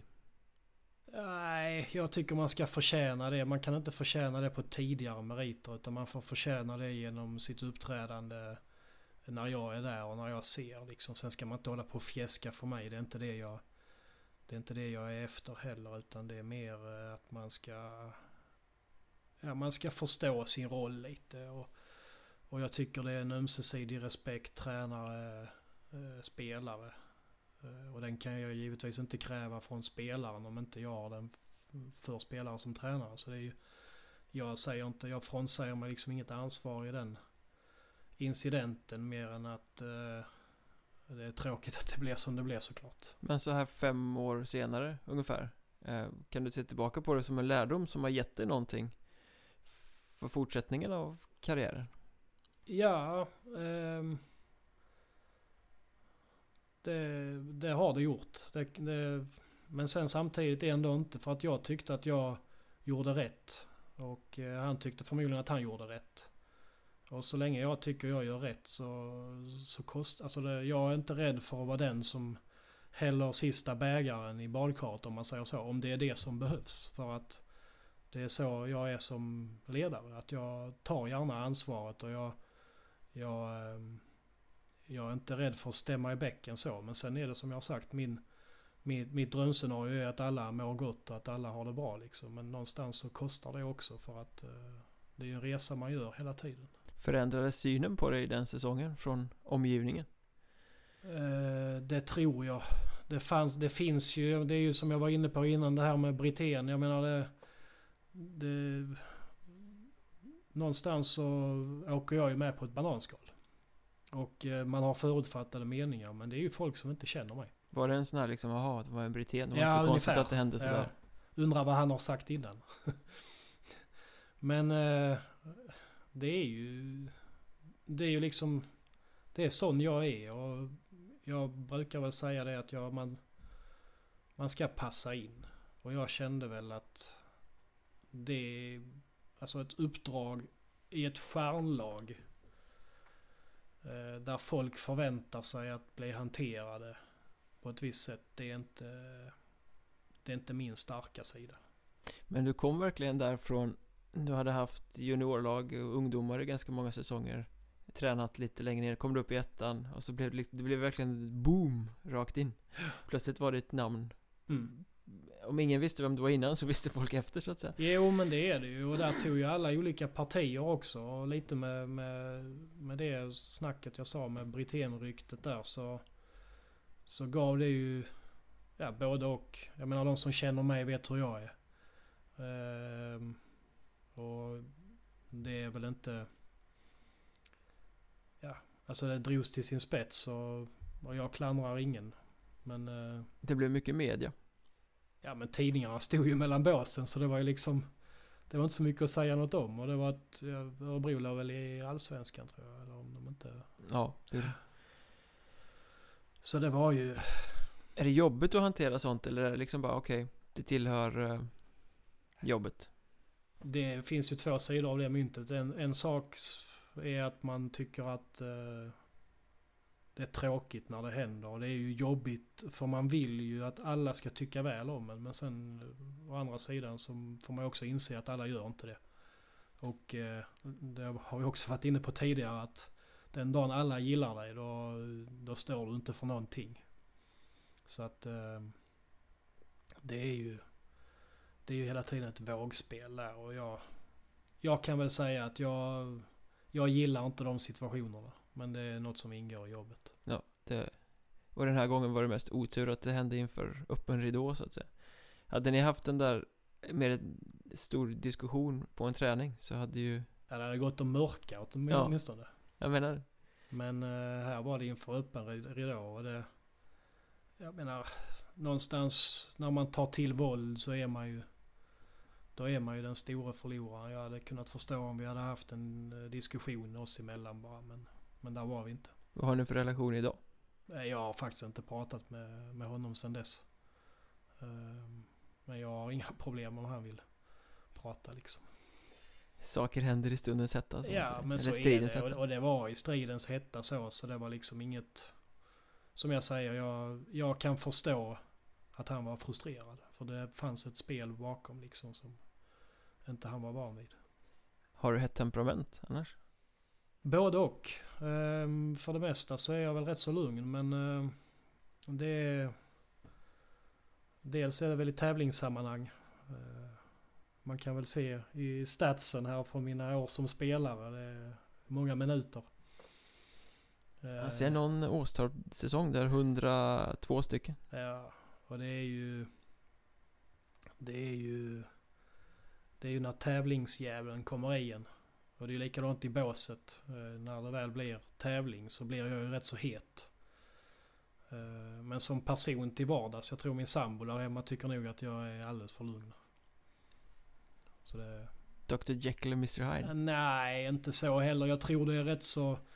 Det kommer inte som blixt från klar himmel där heller. Utan man ser på mig när det börjar. Och börjar det gå överstyr då så antingen så väljer man att backa eller så, så blir det som det blir. Det är, det är som jag är bara.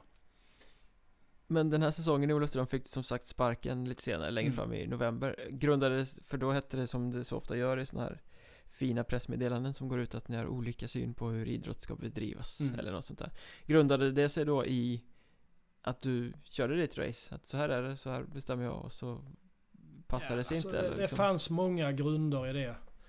Jag är väl inte van vid hur, hur eh, förening, alltså att den, jag kom ju från eh, Linköping som är en jättevälorganiserad förening. Och så kom ner till Olofström och Olofström är Olofström. Det är ju, det är ju lite vilda västern alltså men det, Och där, alltså vi, vi var inte överens. Någonstans egentligen. Du och laget eller du och sportchefen? Nej, lag, det, var jag och ledningen. Eh, dels som jag sa, de ville väl ha dit en Mats Lust. Och det är inte jag. Var du för snäll? Jag, jag tror jag var för snäll eh, utifrån... eh, Jag, jag, om man säger så här, jag bedömde hur jag skulle vara i mitt ledarskap. Eh, Och vad gruppen behövde. Och därefter, han, alltså där, därefter handlade jag. Och det var inte det ledarskapet som ledningen ville ha. Um, Men jag ser liksom ingen anledning att stå och skälla på spelare för att man ska göra det. Utan det är ju mer att uh, jag tyckte att man behövde man behövde liksom det här. De behöver må bra killarna och vi ska prestera här. Och det gjorde vi delvis. Vi fick ju stryk lite i inledningen för vi var så jäkla nedtränade. Men sen Sen tog det sig och, och eh, jag tror vi låg tvåa när jag fick sparken. Det gjorde ni I Söderserien som på Ja. den tiden var the shit Alltså Ja. då var den ju riktigt, riktigt bra Mm. Med storsatsande Karlskrona och allt vad det nu var Men sen var det ju också, vi hade ju spelare, man kan ju se som Johan Sköld spelar i en tredje, fjärde line och det är ju egentligen en toppline-spelare så. Vi hade ju för många bra spelare, för många spelare som eh, tyckte man skulle spela powerplay och, och sådär. Så det är ju, det är jätte, det är jättesvårt att lyckas under de förutsättningarna också. Eh, men sen är det, det finns alltid många mynt av den av den kronan också. Varför man får sparken och varför saker händer. Jag har ju min, min historia. Men i grund och botten, ja, vi hade den diskussionen innan vi gick ut. Och, och jag sa varför kan vi inte bara säga som det? Varför ska vi hålla på och hitta på något som inte är sant? Vad ville de hitta på för gott? Ja, men det fanns olika anledningar som jag inte vill gå in på. Utan det är mer att vi var inte överens. Vi var inte överens om det heller. Så att, Uppenbarligen liksom- kanske det var rätt att gå skilda vägar Ja, faktiskt. Det, det var nog det enda rätta. Så att det, både för dem och för mig. Så att det är liksom inte... För vill, vill, det är ju lite som jag sa där innan. Man, man eh, scoutar in tränare och sen får man inte det man vill ha. Nej, men varför? Alltså antingen är det för dålig scouting och då... Eller så får man göra någonting åt Får man acceptera att man har gjort en felrekrytering och Ja. gå vidare. Mm. Blekingeklubbarna var ju annars ganska bra på den tiden på att hitta på såna här komiska ursäkter menar, någon, någon skulle plugga och någon hade hemlängtan och det var Jag vet, men sen finns det ju alltid den här världens sanningar som man inte kan gå ut med heller. Så att det är ju, och man vill inte skada andra människor, tredje part så att säga. Nej, och det finns liksom ingen anledning. Det, det, det tjänar ingen på liksom, tycker jag. Det är gött att götta sig kanske, i, men det, det hjälper liksom ingen. Du nämnde Brithén-ryktet här nyss om man eh, tar en annan take på den. Alltså, ni heter ju väldigt lika, Jim, Tim, Ted, Brithén. Mm. Det måste ju hända rätt ofta att ni blir ihopblandade. Ja, säg när det inte händer. Det är ju, det är ju allt som oftast. Uh, och jag, jag kan inte förstå. Jag, ibland så brukar jag ryta i om det. För det, jag tycker det är liksom... Det är... Alltså någonstans är man ju... Vet man, kommer man inte på vad den heter så är man inte intresserad brukar jag säga. Då, alltså, du kan inte säga fel så många gånger. Och jag kan ju liksom köpa att... Uh, att uh, man ser oss på stan. Nu är jag och Jim ganska lika så. Uh, Fast man ser ändå att det är en ganska tydlig åldersskillnad. Precis. Men Ted är ju liksom inte i närheten. Alltså Nej. Ted ser man ju jätteskillnad på att... Och, och ser man då en HV-match till exempel och säger fel namn hela tiden. Man vet ju om att varken jag eller Jim är med där. Alltså hur intresserad är man? Sen kan det väl alltid, det kanske är att hårdra det men, men så tycker jag. Jag tycker man kan ju ha respekt för det. Uh, och har man inte det så... Eh, det är egentligen ingen stor grej men, men det är ju klart att det, det blir påtagligt när det händer så ofta. Kan ni rent av göra något roligt av det och driva med folk liksom när det blir galet? Nej, jag tycker inte det finns någon anledning. men jag antar att det har stått i lokaltidningen när du har tränat att det är farsan som Ja, tränar. likadant. Jag tror faktiskt oftast de eh, tar, tar fel på mig och Ted. Det är ju ja, ännu mer orimligt. Ja. Så att, um, ja, där, där, kan, där kan de bli bättre. Då får jag gratulera till SM-guldet. Ja, men precis. Tack. Men, men äh, apropå det så, du nämnde, har ju nämnt några gånger att du var inne i HV en, en sväng som assisterande. Äh, funkar det att då, när du kommer som oerfaren äh, på SHL-nivån kliva in med samma typ av ledarskap Den här ganska hårda, svarta, vita eh, Vet vad du vill När du kliver in i den miljön För jag vet att det pratades ju och skrevs ganska mycket om Du och Johan Lindbom tog över HV Och det var liksom det här, ja men de är ju orutinerade Det här kommer ju aldrig gå eh, Hur förhåller man sig till det då? När man... Nej, alltså någonstans man... För det första får man ju strunta i och lyssna på vad folk säger för mycket. För det... Det, jag menar Johan där har ju varit tränare så många år i division 1 och har du varit tränare i division 1 så, så är du erfaren för du samlar på dig så mycket. Alltså du måste hela tiden hitta vägarna i ettan. Och spelet är detsamma. Alltså sporten är ju fortfarande... Ja, jo precis. Hockeyn är ju detsamma men sen är det ju mer...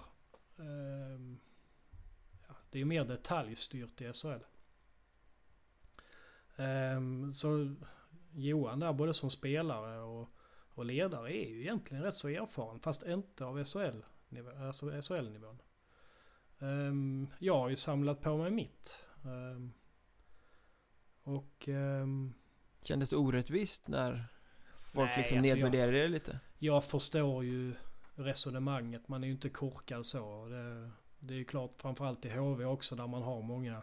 Vad hade vi? Hade vi tio spelare med erfarenhet från KHL och NHL? Eh, så ska man ju liksom ha något klatschigt namn. Eh, nu har ju ändå Lindbom spelat i NHL själv. Jag har ju inte den bakgrunden men jag kom ju in väldigt, väldigt sent också. Ehm, och jag, jag var assisterande för första gången ska också tilläggas. Så jag, ja, jag... Jag hade väl svårt att anpassa mig till den rollen. Eh, men... Eh, och det blev liksom att man nästan blev... Eh, av, mitt, av mitt sätt att vara så blir jag lite tillbakadragen känner jag. Eh, av naturliga skäl. För jag menar man kommer ut på en helt ny nivå. Man ska... Man ser saker som man, man känner till. Eh, men allting ska sättas i sitt sammanhang. För grunder, hockeygrunderna kan man, det är inget snack om det. Men här är det på så, eh, alltså på, på så detaljnivå. Så att man hela tiden, det kommer hela tiden nya rön där också. Det gäller ju att sortera ut vad som är viktigt och inte. Och i och med att jag har varit huvudtränare i alla år och, eh, och eh, jobbat brett. Alltså jag har ju alltid haft som den roll jag har nu där jag har varit eh, inblandad i egentligen allting utom kanske på detalj, detalj, detaljnivå. eh, så är jag inte nischad på det sättet att eh, man är en defensiv expert eller en, eh, en offensiv powerplay specialist eller sådär. Utan man är mer eh, allround liksom. Man hugger i det det behövs. Ja, lite så. Och sen, eh, sen då som assisterande så jag vet ju hur jag vill ha mina assisterande. Och jag vill ha tips och råd och, och liksom sådär. Och, och jag har väl ändrat uppfattningen där också för jag tycker nu att en assisterande kan gå in och ta mer ansvar. För det är så det jobbas ju så det är inte så konstigt. Men eh, jag agerar väl lite så i den. Och sen kom vi in väldigt nya... Eh, någonstans kändes det väl som vi fick... Eh, som vi uppfann hjulet igen. Det hade varit enklare att ha haft med eh, exempelvis en till tränare som hade haft några år på nacken. Dessutom ska väl sägas att ni kom in direkt efter att klubben hade varit i sitt största kaos någonsin förmodligen. Mm. Med folk som hade lämnat och sparkat så det var liksom... Eh... Ja, vi försökte ju skapa ett lugn i gruppen och det tar ju tid efter, efter när det har varit så. Och det, jag tycker vi lyckades bra med det sen. Sen eh, hade vi haft, hade vi inte haft 12 spelare ska jag tro när Timo Laine gick av mot Brynäs borta hade vi 12 spelare på skadelistan. Och det var liksom inga dåliga spelare heller. Men kände du det när du kom in där att det här är en klubb eller ett lag som har haft det tufft? Så känner man det på stämningen och på spelare och, och sådär? Kontra om du hade klivit in i ett lag där allting bara hade varit medgång och frid och fröjd och alla funkar? Ja men det kändes. Och det var ju liksom någonting vi fick jobba med. Framförallt eh, eh, handlar det också om att, att vinna spelarnas förtroende som tränare. Och det, det är ju inte, det är inte lätt med den historiken och sen då kom vi in rätt så, rätt så gröna då. Eh, och sent. Och sent ja. Så att eh, där känner jag att spelarna var otroligt professionella och hantera oss som tränare väldigt väl liksom. Och samtidigt så hade vi varit dumma om vi inte hade tagit dem till hjälp också som vi gjorde. Så att eh, jag tycker väl ändå eh, att vi gjorde ett tappert försök och det var nog ändå en bra eh, början på en resa mot ett SM-guld som jag trodde skulle ta längre tid men som de faktiskt lyckades repa väldigt snabbt. Men där får man ju också liksom känna att eh, jag tror de gjorde rätt i som tog in både Ram och, och Lillis där och, och stötta Lindbom. För jag tror han fick de redskapen som han behövde även på ledarsidan. Jag, jag stöttade honom i, i vad jag kunde men eh, vi var två, eh, vad ska man säga, ja, vi, vi, vi hade behövt mer erfarenhet. Jag, hade sagt, jag sa det att ska man in i HV så ska du nästan ha tio år i SHL för att, och det kanske är att döma sig själv lite men det är så. Det, det går inte att kliva in i SHL och inte vara redo för uppgiften för det blir jättetufft. Men du måste ju ha en väldigt stor erfarenhet med dig ut. Ja. De, var, du blev flyttad på för att du hade för lite erfarenhet hette mm. det ju också. Uh, men erfarenhetsbanken byggdes ju på under det året. Så att Otroligt i din roll nu så måste du ha stor nytta av det där. Ja, och det känner jag ju med den grunden och basen man har. Jag, jag menar jag har ju...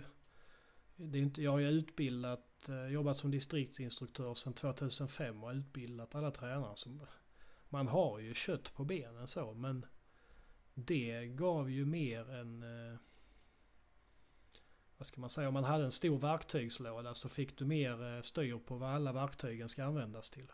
Jaha, hammaren är till för ja, att slå i spik? Ja, för att slå i spik, ja. Ungefär så.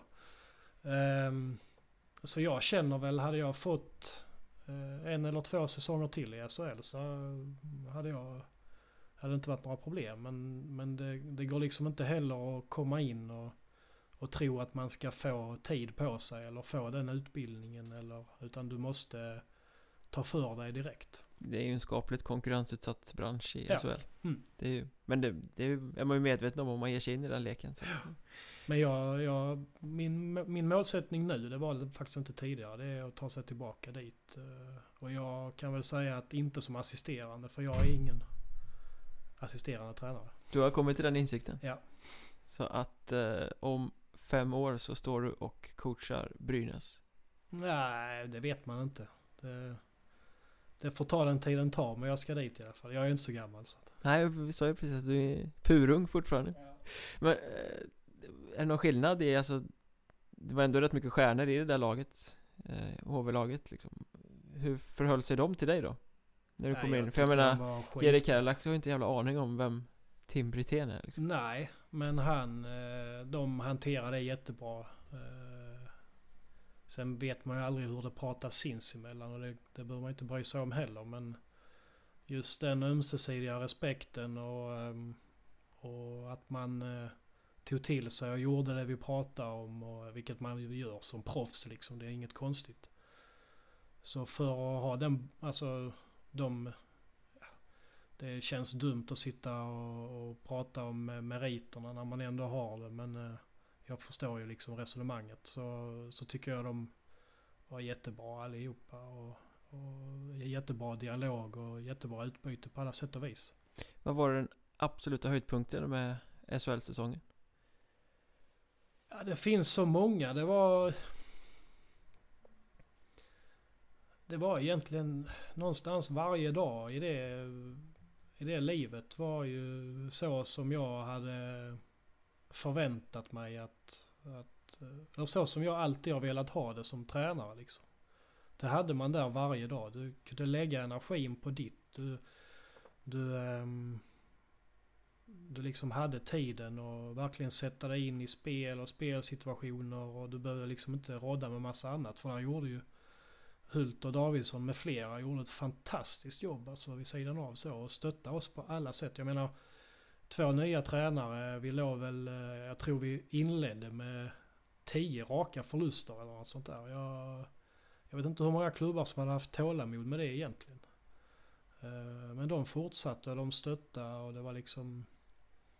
Eh, det var så. Ehm, nej men det är ju...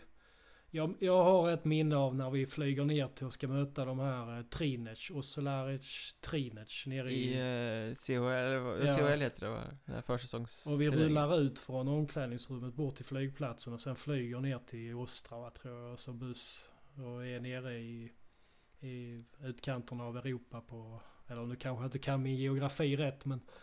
Men eh, på ingen tid och sen spelar match där vid sextiden och sen är hemma i Jönköping igen klockan ett på natten. Det är liksom sånt där som man känner. Jaha. Och så fina plan och alltså en ishall som var som något palats där nere i någon liten eh, ort i, i östra Tjeckien. Det är något annat än Stilgarden det här tänkte du? Ja det var det definitivt men det, är- allting har ju sin charm så att det är liksom inte Det är inte det heller. Det var mer hela upplägget liksom. Hela SHL-upplägget eh, tycker jag det är Man kommer in i liksom ett eh, rum som älskar man hockey så har man landat helt rätt alltså. Men är det som folk säger att det är liksom en egen värld, en egen bubbla? Mm. Som liksom Jag förkastar den idén. Jag har ju, jag har ju, spe, jag har ju spelat i samma... Eh, samma lag som både Björn Hellkvist och Dan Tangnes. Och eh, man har ju följt dem lite extra och man hör ju det här med bubblan och man känner ja, men det är, ju- det är ju skitsnack. Men det, det är det inte. Jag, man visste till slut inte vilken dag det var.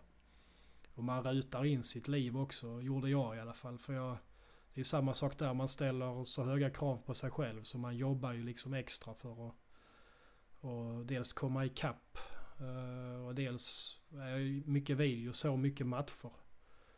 Och det blir ju liksom en vardag. Man gick hem, man tränade på morgonen och sen så gick man hem och sen tittade man på video och sen sov man lite middag och sen kollade man video igen och antecknade och klippte och hade sig. Så det blir ju liksom ett liv. Det var tur man inte hade familjen med sig där uppe. De var ju kvar i Ängelholm. Ehm, för annars så hade man nog... eh, ja, hade de nog flyttat ner ändå tror jag. Igen. HV blev familjen. Ja. Jo men det är ju... Det är en fantastisk organisation och klubb att komma till. Alltså du kan inte komma till ett bättre ställe. Och det, det vet jag Ted brukar lyfta också. Att det är helt otroligt. Ja men apropå det, hur är det liksom, eller hur var det snarare, att ha brorsan i laget? Det blir ju också en sån här balansgång gissar jag. Ja, fast vi är ju... Vi är ju uppväxta med det. Vi har ju... Alltså just den professionaliteten är ju... Eh, det är inget konstigt. Man har ju haft... Eh, man har, jag har ju tränat kompisar. Alltså som kanske står mig närmare. Eftersom det skiljer många år mellan mig och Ted. Så kanske jag har varit tränare för kompisar som har stått mig närmare. Så, sen är det ju blodsband så det är ju annat sätt ändå. Men det har liksom aldrig varit några problem. För jag, alltså det handlar ju om ett givande och tagande ömsesidigt där också. Och en förståelse för vem som har vilken roll. Um, sen, alltså sen är ju Ted drivande i sitt. Men han har ju liksom inte problem att komma till vilken tränare som helst och, och säga samma saker. Så att det, är ni lika på det sättet att han också säger exakt vad han ja, tänker och tycker? Jag tror till och med att han med den eh, spelarerfarenheten han har så är han ännu säkrare i sina argument. Eh, jag har ju fått samla på mig dem så jag blir säker i mina argument på det sättet. Men han är ju väldigt eh, detaljerad och, och han är ju riktigt bra i boxplay till exempel, vilket jag också... det var, jag hade inte med hans, uh, hans upplägg till Island. Det är han som får ta över de träningarna nästa gång du tar ett förbundskaptensjobb. Så det inte tar två timmar. Um, men han är väldigt rolig att diskutera med för att han har, uh, han har bra saker att komma med och ofta är det så in i detalj så man ibland undrar liksom vad som händer där inne. Gillar man inte hockey så måste det vara olidligt att komma på era släktmiddagar. Nej, fast där tror jag nog vi... Vi har blivit bättre med åren. Men sen är det ju... Vi har ju en del hockeyspelare ingifta i familjen också. Och, och eh, det blir ju onekligen mycket hockey. Vi, kom, vi landar där till slut. Men jag tycker det är var man än kommer liksom så hamnar man någonstans i något hockeysnack. Så att ibland så blir man bara, men hallå. Vi kan Svårt att låta bli. Och så kommer någon och säger, men jag kan ingen hockey. Nej, det är bra, då sätter jag mig här. HV sa vi, eh, assisterande, när du kom ut därifrån eh, Då har du plötsligt SHL-meriter på CVt mm. Innebär det att du som tränare nu betraktas på ett annat sätt än vad du gjorde året innan när du inte hade SHL-meriter på CVt? Mm, ja, alltså det är ju, jag brukar säga det men Om jag kom till Olofström då 2012 eller 13 eller när det var så Tyckte man att man inte hade någon erfarenhet av nivån och och sådär. Och det snacket gick och då blir man ju mer eller mindre dömd på förhand. Um, och sen var jag förbundskapten på Island i två år vilket inte är någon större merit. Och så en säsong i HV och sen kommer man till Helsingborg och får frågan om man inte är överkvalificerad. Och jag... Alltså jag förstår ju det resonemanget också men sen samtidigt blir det ju väldigt ytligt. Vad, vad tror man om en människa egentligen? Alltså alla erfarenheter är bra. Um, framförallt från... Det, det, är ju det är kanske inte bra att vara SHL-tränare hela livet för du hamnar i ett, i ett speciellt rum liksom där... Ja, det, det är ju saker som man, uh, man tar för givet liksom där. Det är ju en helt annorlunda i ettan. Jag brukar faktiskt driva den uh, tesen att det är inte bra att som vissa gör kliva direkt från typ en spelarkarriär eller att första tränargigget man har blir i en SHL-klubb för att man har ett stort namn och får den chansen utan att man nog måste ut och se och lära och misslyckas på en lägre nivå innan man kan bli en bra SHL-coach. Ja, sen är det ju också hur man är som människa. Det finns vissa som är som klippt och skurna för att kliva in i SHL. Det finns inget snack om det och som har en lång tränar eller spelarbakgrund som gör det jättebra. Sen finns det de som har lång spelarbakgrund som inte fixar det heller.